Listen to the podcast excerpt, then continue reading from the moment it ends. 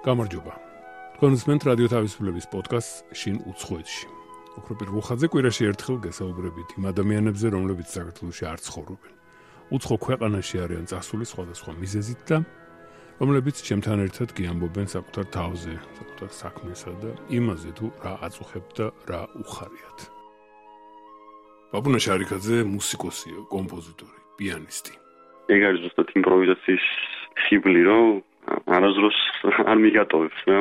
ასე მითხრა 5 წლის წინ ამერიკის შეერთებულ შტატებში ბერკლის სამუსიკო კოლეჯი რომ დაამთავრა, სურდა, როგორც თვითონ თქვა, ემარჯვა ბრძოლაში და ფეხი მოეკიდა ნიუ-იორკში. აი ადამიანების რაღაც ყურში და გონებაში და გულში თუ ის რაღაცა გააღვივე რამაც ისინი აღელვა შეიძლება ზუსტადაც ეგ არის სწორი გზა რა აბუნა შარიქაძეს არაერთ ჯაზ ფესტივალზე დაუკრავს იტალიაში პერუჯაში, კლაიპედის ფესტივალზე, ბუნებრივია საქართველოში, უთანამშრომლია და დაუკრავს ედი გომესთან, ტერენს ბლანშარტთან, ლენი უაიტთან და რალფ პიტერსონთან, ასევე შონ ჯონსთან ერთად. ჯერ ცირეხნით საქართველოში დაბრუნდა და მალევე ისე მიაშურა ნიუ-იორკს, უკვე არა როგორც სტუდენტმა, არამედ უბრალოდ წავედი ამერიკაშიო. აბუნა შარიქაძის ცხოვრებაში სერიოზული ეტაპი იწყებოდა, როცა პანდემიამ თბილისში შეაყვნა. თუ ადამიანს მაგის შესაძლებლობა აქვს, რომ ანუ დარჩეს იქ სადაც არის და რეალურ ცხოვრებაში რაღაცნაირად ანუ უკვე გამოიყენოს ის ის თავისი ცოდნა, რა ვიცი, ეს ეს ძალიან მაგარი რამე არის და მით უმეტეს ისეთ ადგილას ფეხის მოკიდება, როგორიც არის ნიუ-იორკი, სადაც მე ვიყავი ბოლოს, ეს არის ალბათ, რა ვიცი, აი ერთ-ერთი ყველაზე ისეთი სერიოზული ცხოვრებისეული გამოცდა რა, რომ თუ თუ ეგ გამოგივიდა და თუ მაგ მაგ ბრძოლაში გამარჯვე, ესე ვთქვათ, რომ ზუსტად მიყევი აი შენ მიზნებს და გეგმებს რა, როგორც გაგდასახული და რაღაც რაღაც მომენტში არ გაზარმაცდი ან ის სურვილი არ გაგინელდა. ეს ეს ძლიერ ადამიანადაც გაქცევს რა და რაღაცნაირად აი პიროვნულადაც განვითარებს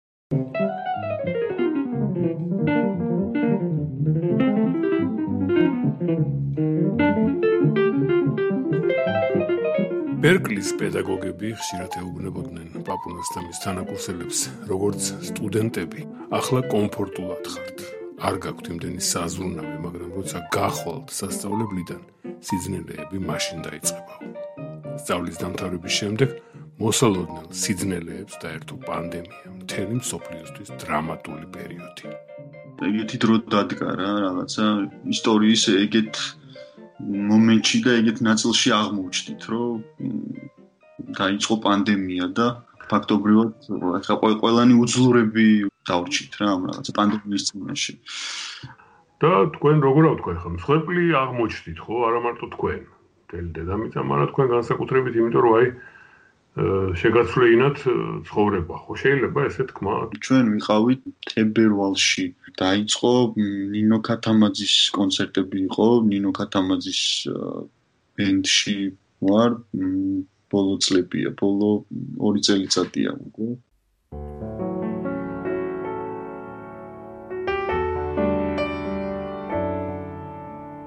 და ნინოს კონცერტები იყო რა მოკლედ ევროპაში ვიყავით თებერვალში და მე მარტში უკრაინული ტურნე ქონდა მოკლედ ნინოს უკრაინის სხვადასხვა ქალაქებში უკრავდით და ანუ პირველი მარტიდან დაახლოებით ორ კვირიანი ტურნე იყო რა ეს და რვა კონცერტი ქონდა დასაკრავი.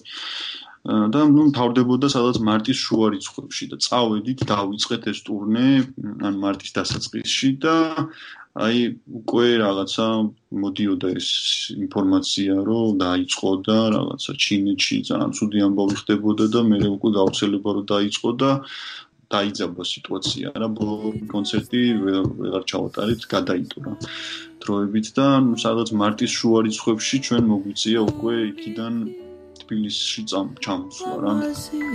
სიყვარულიც გა ამ პერიოდში ნიუ-იორკიდან პაპუნა შარიკაძე მოგზაურობდა ნინო ქათამაძის თანხლებ ჯგუფთან ერთად. კონცერტები ჰქონდა თბილისშიც. მაგრამ მიხანებში პაპუნა შარიქაძის სახლად ნიუ-იორკი ითვლებოდა. ამერიკა იყო მისი სახლი 5 წლის წინ, როცა მას შეერთებული შტატების ბერკლის სამუსიკო კოლეჯის სტუდენტს ჩვენს ყოველკვირეულ უხილავ ფარდაში ვესაუბრეთ და გვიანბო თავის მასწავლებელზე, ტრომბონისტ ჰალ კრუკზე, რომელიც მაშინ პენსიაში გასასვლელად ემზადებოდა.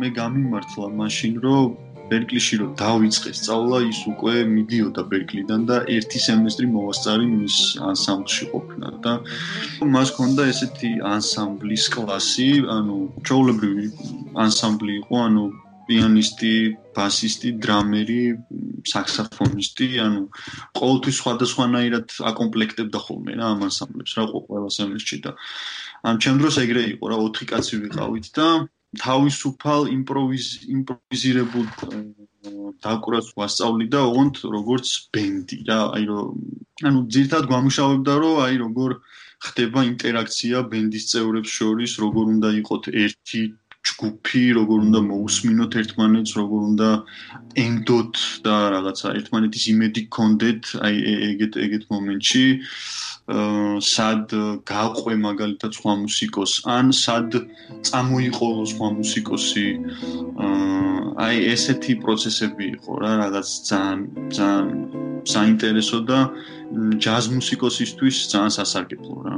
ხანდახან იქ თვითონ იქ იჯდა და უბრალოდ რაღაცა ინსტრუქციებს გვაძლევდა ხოლმე სიტყვიერად რა მაგრამ ის თავისი ტრომბონის გვერდზე ედო და ხანდახან აიღებდა ხოლმე ტრომბონს და თვითონაც შემოგვიერთდებოდა რა თავისუფალ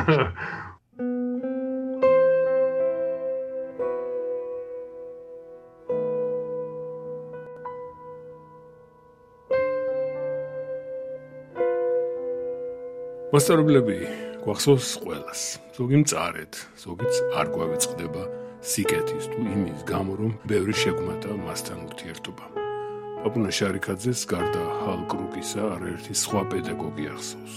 მე მაინტერესებს რას ფიქრობს ახლა უკვე მოქმედი მუსიკოსი მასწავლებელ შეგირდის ურთიერთობაზე. გავახსენე მაშინ კონსერვატორიის რექტორ რეზო კიკნაძის ჩვენთვის ნათქვამი, რომ ამ დუეტში ხშირად მასწავლებელი სწავლობს მოსწავლისაგან, რომ მათი ურთიერთობა თანასწორობას უნდა ეფუძნებოდეს. განსაკუთრებით სწავლა განათლება ჯაზში გულისხმობს სწორედ იმას, რომ კი შენ კი სწავლობ შენი მასწავლებლისგან მაგრამ ძალიან მალე იწყებ ამ მასშტაბლებთან იმ ურთიერთობას, რომელიც უკვე სწავლას და სწავლებას ერთმანეთთან არ განარჩევს და მასშტაბებელიც ისევ სწავლობს შენთან ერთად როცა გასწავლის, როგორც შენ სწავლობ და შენ ვითარდები, როცა უკრავ შენ მასშტაბებთან ერთად.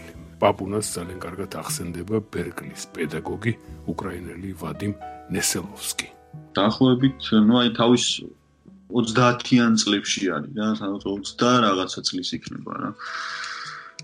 და ესეთი მოქმედი და აქტიური პიანისტია და თამბერკლიშია და იქ კერძო ანუ private სტუდენტები ყავს რა და მე იმდენად მომწონდა ეს კაცი, რომ ბოლოს უკვე მიყოლებით რაღაც რამდენიმე სემესტრი მის კლასს ვიღებდი და რაღაც მიცდია რომ სხვასთან მოსულიყავი რა, იმიტომ რომ ბევრნი არიან ძალიან და სულ რაღაცა ექსპერიმენტებს ატარებ, რომ აბა ყველა გინდა რომ გამოცადო რა და მეორე ვარიანტია რომ ერთ თუ მიაგენი ისეც რომელი რომელთანაც აი კარგად შეთამაშდები, მე იმასთან დარჩე და უკვე ერთად გააგზავნოთ და სხვანაირად განვითარდეთ ერთად რა და ამ კაცთან ვიყავი მე кайხანი რა ვლადიმირ სელოვსკი რომელმაც ვლადიმმა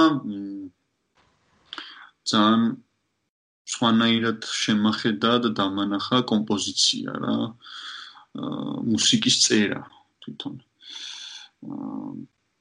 რაღაცაი მას შემდეგ დავიწყე ცოტა აი არასტანდარტულად ნუდექი ამ კომპოზიციის პროცესს რა რომ აი დღეს როიალთან რო ჯდები ხოლმე და რაღაცას რო წერ რაღაც თემას სუ მახსენდება რაღაცნაირად აი ვადიმის რაღაცა სხვადასხვა წინადადებები, რაღაცა ცალკეული წინადადებები და ანუ მან მასწავლა უფრო კონკრეტულად რომ წავიდეთ მაგალითად აი როცა აკორდს იღებ ამ აკორდის შიდა ხმები, შიდა მოძრავი ხმები რა როგორ უნდა მიაგნო ამ ხმებს და მე როგორ უნდა გააყვე ამ ხმებს და თვითონ აი ამ თითო თითო ხმამ როგორ შეიძლება რომ წაგიყვანოს მე სხვადასხვა აკორდებში.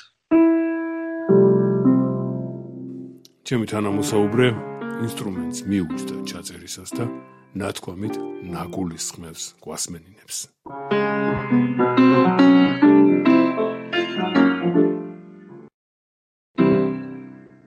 ერთია რომ რაღაცა უბრალოდ სხვადასხვა აკორდები აირჩიო მაგალითად რაღაცა ერთმანეთისგან რადიკალურად განსხვავებული სხვადასხვა ტონალობები და ესე იარო რა და ვადიმი მასწავლიდა აი როგორ შეიძლება რომ რაღაცნაირად გლუვად იმოძრაო ერთი აკორდიდან მეორე აკორდში რა აი სიტყვაზე. სიტყვაზე რა ავიღოთ აი დო მაჟორული სამხმოვანება არის ეს რა. აქ ამ აკორდში ყველა ხმას თითო ხმას შეუულია რაც დამოუკიდებელი მოძრაობა რა აი ნებისმიერ მიმართულებით. მაგალითად. ეს ერთი ხმის გზები არის. ან თუნდაც ქვემოთ.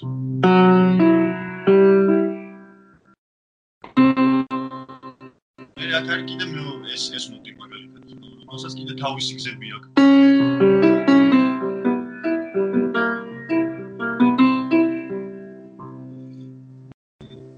აქვე არის ბასი, რომელსაც ასევე თავისი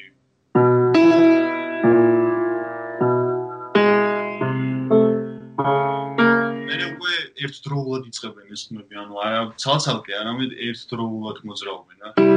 მაგალითად აი სულ რაღაცა ორი მოძრაობა გავაკეთე და უკვე ერთი აკორდიდან სხვა აკორდში აღ რა, მაგრამ ანუ აი ეს ხმების მოძრაობა ამას ახდენს რაღაცნაირად გლუვად, ისე რომ აი ყურისთვის არის სასიამოვნო აღსაქმელი რა და ეს არ არის რაღაცა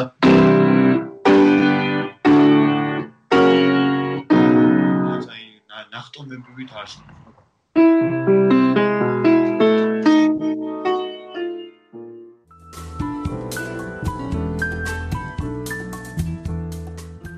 თქვენ უსმენთ პოდკასტს შინ უცხოეთში მიკროფონთან არის ოქროპირ რუხაძე მუსიკოსი პიანისტი და კომპოზიტორი პაპუნა შარიქაძე დღეს ჩემი თანამოსაუბრე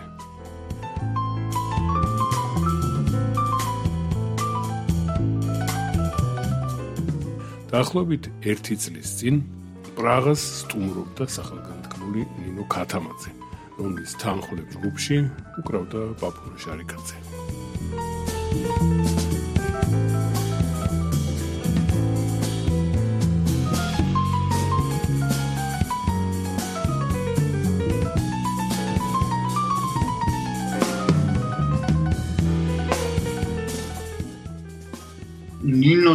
ნინოსთან დავიწყე დაკვრა. რა მომენტში აი პირველი ნინოს გაცნობა მახსოვს 2017 წელს თბილისში ჩამოვედი ბერკლიდან.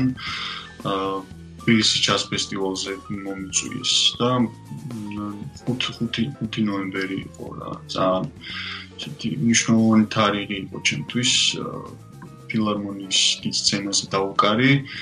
ედი გომისი ყავდა ბასზე ედი გომისი არის ნუ ლეგენდარული ბასისტი რომელიც უკრავდა ბილეონასთან პიანისტთან აა ეხლა უკვე რაღაც საკმაოდ ასაკოვანი, მაგრამ ჯერ კიდევ ფორმაში ჩამქელად რაღაცა. ედი გომესი ყავდა ბასზე და ერთ-ერთი ჩემი უახლოესი მეგობარი ბერკლის სტუდენტი, გრამერი, ტაისონ ჯექსონი და ამ ტრიოთი ვიყავი მოკლედ თბილისში ჩამოსული რა. და ნინო იყო კონცერტზე მოსული და კონცერტის მერე ვნახე ბექსტეიჯში შევხვდი აა რაღაცეებზე ვილაპარაკეთ. მაშინ გავიცანი პრინციპში რა ნინო და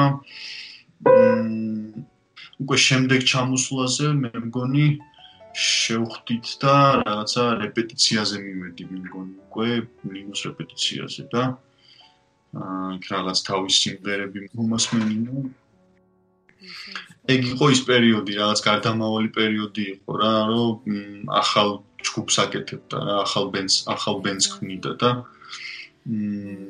აა მე ჩემი დაბად ჩემ დაბადების დღეზე იყო კიდე კონცერტი მქონდა რა და იქ იყო მოსული და ხო რა მოკლედ ნენელა ნენელა ჯერ ჯერ დაუძმაკაცდით მოკლედ ჯერ დაუ კარგად დავმეგობრდით და მე უკვე მალევე პრინციპში დავიწყეთ ერთად დაგვრა რა. ანუ კარგად მაინც და მაინც მუსიკალურად არ ვიცნობდი ნინოს რა სიმართლე რო თქვა, ანუ ბავშვობიდან მესმოდა ნინო კათამაძის რაღაცა ჩანაწერები, მისი ცნობილი სიმღერები პრინციპში არის ოლეი და ახტუ ფაუტუ ფაუ და კიდე ის სიმღერა. ცისკენ მიხრიან და ბრუნდებიან ჩვენთან მე ისაუშესკე გამოყვები სიყვარულის გზას იმ კუჩის ბოლოს და აი ამ სიმღერებზე გავიზარდე შეიძლება ითქვას რა, მაგრამ ესე არაზრუს მას არ შეხვედრივარ ერთად არ დაგვიტრავს და სანამ ერთად არ დავუკრავთ ერთად დაგვრაზე როცა მიდგება საქმე უკვე რაღაცა სხვა ურთიერთობა იწყება. აა რაღაცნაირად რავი, არც მიფიქრია რა, რაღაც ბევრი არ მიფიქრია, თითქოს ყოველთვის დარწმუნებული ვიყავი ნინოს დიდ მუსიკოსობაში რა და რაღაც ჩემთვის ყოველთვის აუთენტური არტისტი იყო რა, რაღაც ნამდვილი ეს, ესე ვთქვათ რა. პრინციპში შეიძლება მაშინ ის გათვლაც არ გამიკეთებია, რომ მე ხარ რაღაც ნინოს ბენდის წევრი უნდა გავხდე და ეს რაღაც გრძელვადიანი პროცესი უნდა იყოს რა. ანუ შეიძლება მაშინ უფრო რაღაც ისე უყურებდი, რომ მოდი უბრალოდ დაუკრათ ერთად რა, ანუ ამას რა უდგას წინ და მე ისე განვითარდა და ისე დავახლოვდით და ისე კარგად გავუგეთ ერთმანეთს როგორც მუსიკალურად, ისე პიროვნულად, რომ დღეს ვარ აი აუ ნინოს ბენდის წევრი, ჩემთვის ერთ-ერთი აი ყველაზე აუთენტური და ისეთი გულწრფელი მუსიკოსი არის რა, აი ადამიანი, რომელსაც მუსიკასთან აქვს ძალიან ნამ ისეთი გულწრფელი დამოკიდებულება, რა მისთვის მუსიკა არის ყველაზე მთავარი რა. და თუნდაც მარტო ამის წოდნა ჩემთვის საკმარისი არის რა, ანუ თუნდაც აა თუნდაც რომ უყურებ რომ ნინო რა მუსიკას უსმენს, ანუ გარდა თავისი საკუთარი საავტორო მუსიკისა, ისე უბრალოდ თავისთვის რა მუსიკას უსმენს რა, აი Spotify-ზე მაგალითად, აი ნინოს გემოვნებაც ძალიან უწოს მუსიკალური რა და მისი მსოფლხედველობა რა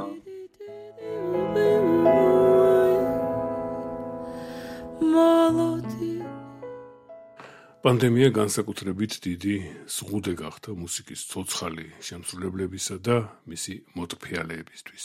მუსიკის წერა არ შეზღუდულა.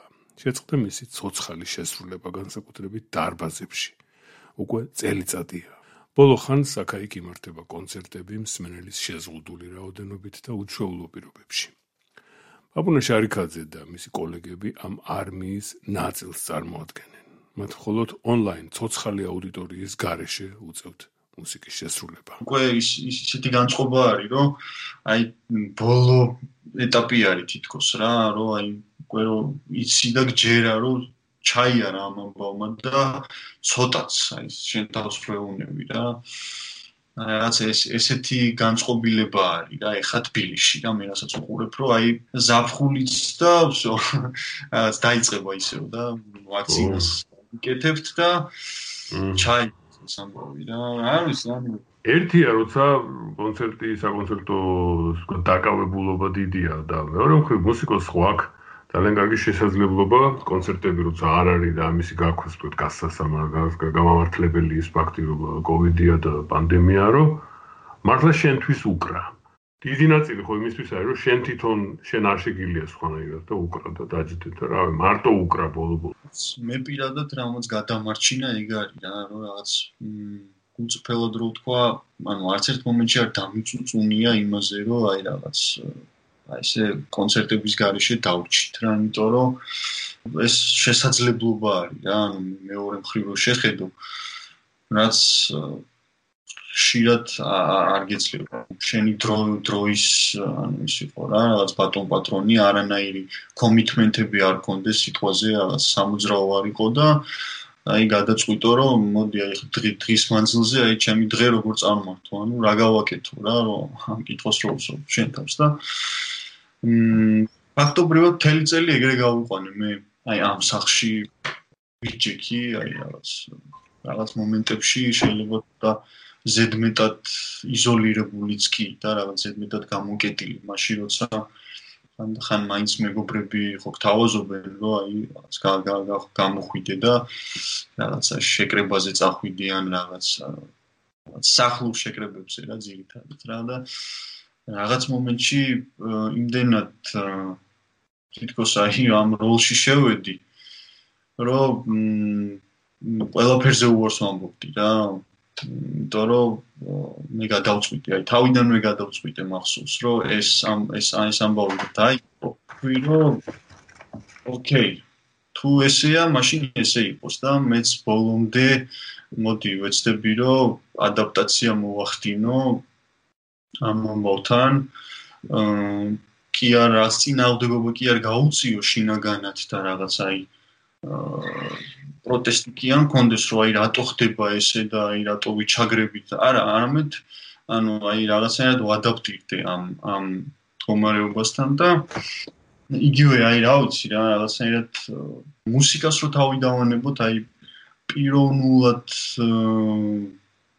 ძალიან წამადგა ბევრ ამაში რა იმაში რომ მაგალითად მივეჩვიე სიმარტოვის თუ თუ აქამდე რაღაცა სახში მარტო ყოფნა მიჭირდა ხოლმე და სულ რაღაცა მოთხოვნილი მქონდა რომ გარეთ გავსულიყავი და სოციალიზაცია გამიკეთებინა და რაღაცა. ნუ ისწავლეთ მარტო ყოფნა ხო რაღაცა. კი, აი კი რა რაღაცა მარტო თითქოს აი ეს მოწყენილობას შევიყვარი რა, აი რაღაცნაირ სხვანაირ კომუნიკაციას რო ამყარებ აა ყველაფერთან რა, აი დილით რო გაიგვიწებ და ფანჯარას რო გამოაღებ, გარეთ გაიხედები და ას თითქოს აი ბუნებასთანაც კი რო სხვანაირ კონტაქტს ამყარებ რა, რაც რაც აქამდე ეგეთი გამოცდილება საერთოდ არ ქონია, ანუ საერთოდ არც წარმოგედგინა თუ შენ შეგეძლო რომ აი ეს ესე ყოფილიყავი რა, ესე მარტივი რაღაცებით ყოფილიყავი მაყოფილი რა, იმით რომ მაგალითად უბრალოდ დილით რო გაიგვიძებდი რაღაც გარეთ გასულიყავი სულ და ჰაერჩი ჩაგესუნთქა, რაღაც გაგესეირნა, ან რაღაც მზის ამოსულას შესწრებოდი. 2016 წელს ბაბუნა შარიკაძემ უხილავი ფარდის ეთერში შემდეგი მითხრა. ერთ-ერთი კიდე ამისთვის არის რომ შენი საკუთარი მუსიკა გქონდეს ეს თან დიდი პლუსია იმისთვის რომ აი ზუსტად ლიდერად იცნო რა მაგ მომენტში თავი ანუ შენ იცნო წამყვანად თავი როცა შენ მუსიკას აკრავინებ მუსიკოსებს ისინი უნდა ისინი გემორჩილებიან ანუ შენ მაგ შემთხვევაში პრივილეგირებული ხარ. იმიტომ რომ შენი მუსიკა როგორც გინდა რომ დაიგრას ისე ისე უნდა დაიგრას. ახლა 2021 წელს ვეკითხები რა სტადიაში ამჟამად რას მიაღწია?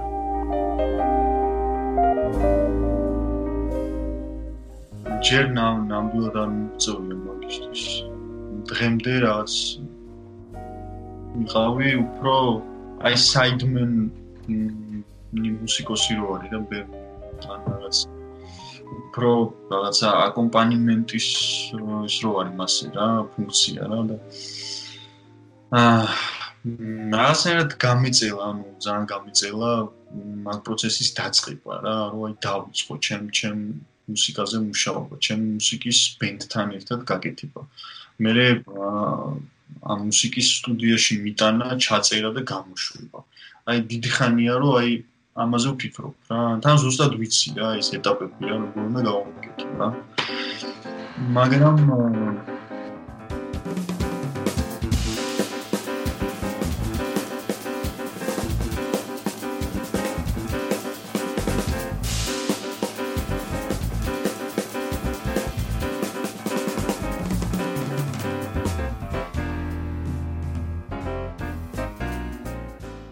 თუ ეს ნომერ პირველი პრიორიტეტი არ გახარდა ეგეთ დროს რა ალბათ ძალიან კიდე კიდე დიდი ხანი გაგეწელება რა ანუ იმიტომ რომ თუ იწებ შენ მუსიკაზე მუშაობას მაშინ იწებ და მე უკვე რაც შენი ხაზით მიდიხარ რა ანუ შენ ხდები ანუ მე უკვე იწებ სიტყვაზე შენ მუსიკის ტურებში ტარებას შენი მუსიკის რაღაც საერთაშორისო ტარებას რა და შენი მუსიკით კონცერტების ჩატარებას და არა რაღაცა აკომპანიმენტის გაკეთებას მაგალითად რა ისე უხეშად რო ვთქვათ რა. ხო და მე რაც გავაკეთე იყო რომ რაღაცა არანჟირებები დავიწყე მაგალითად ჩემი რამდენიმე თემის რაც მინდა რომ აი ბენდთან ერთად გავაკეთო რა. სიმართლე რომ მითხრათ დიდი წინსვლა მაგ სფეროში თუ მაგ ნაწილში არ ყოფილა რა.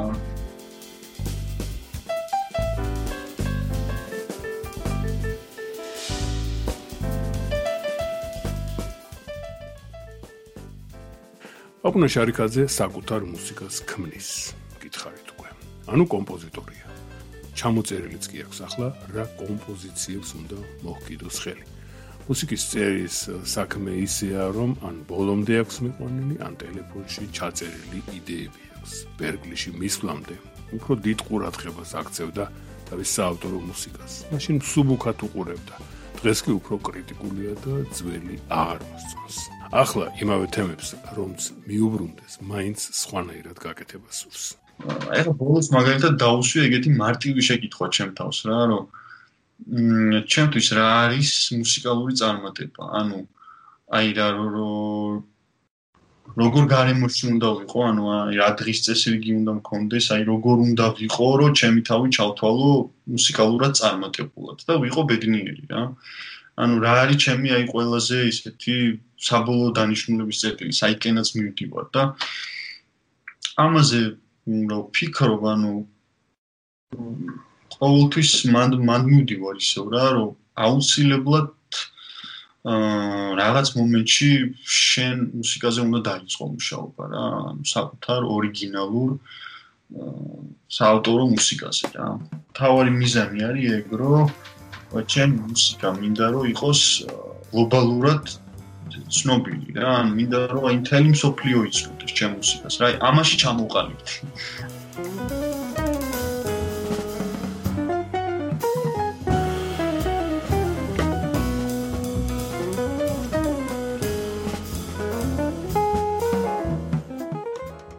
სურს იყოს საქვეყნოდ ცნობილი და ამავე დროს საქართველოსი გამოსვლა, საქართველოს მსმენელთან შეხვედრა განსაკუთრებით აღარ ქართული ჯაზმენი ფიქრობს ქართული ჰანგები შეურიოს ხოლმე თავის ნაწარმოებებში.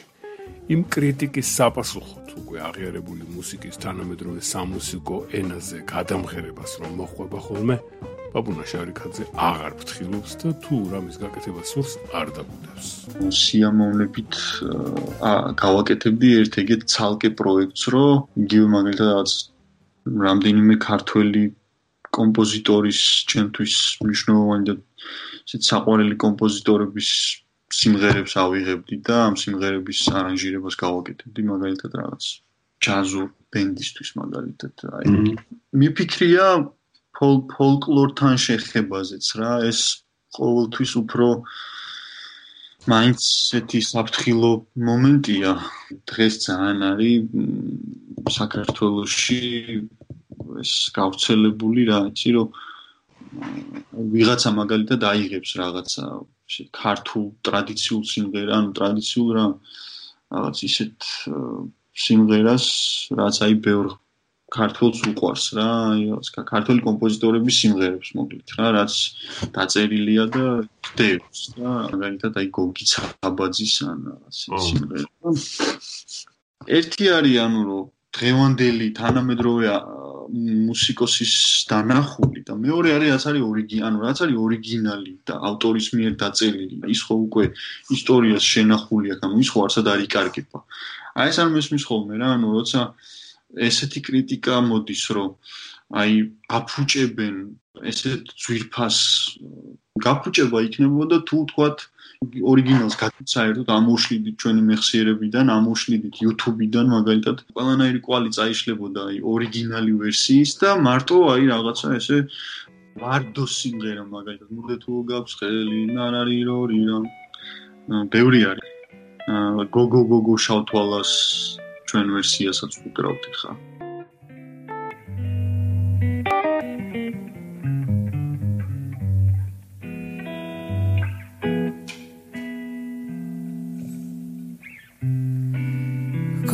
go go შავთვალა რახელმა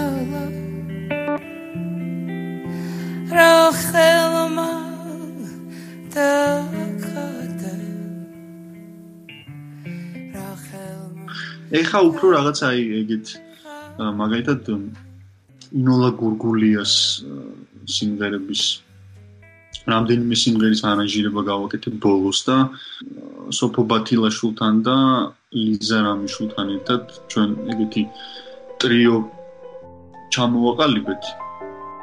მე სოფო ბათილაშვილი მიკროფონთან და ლიზა რამიშვილი ჩელისტი. და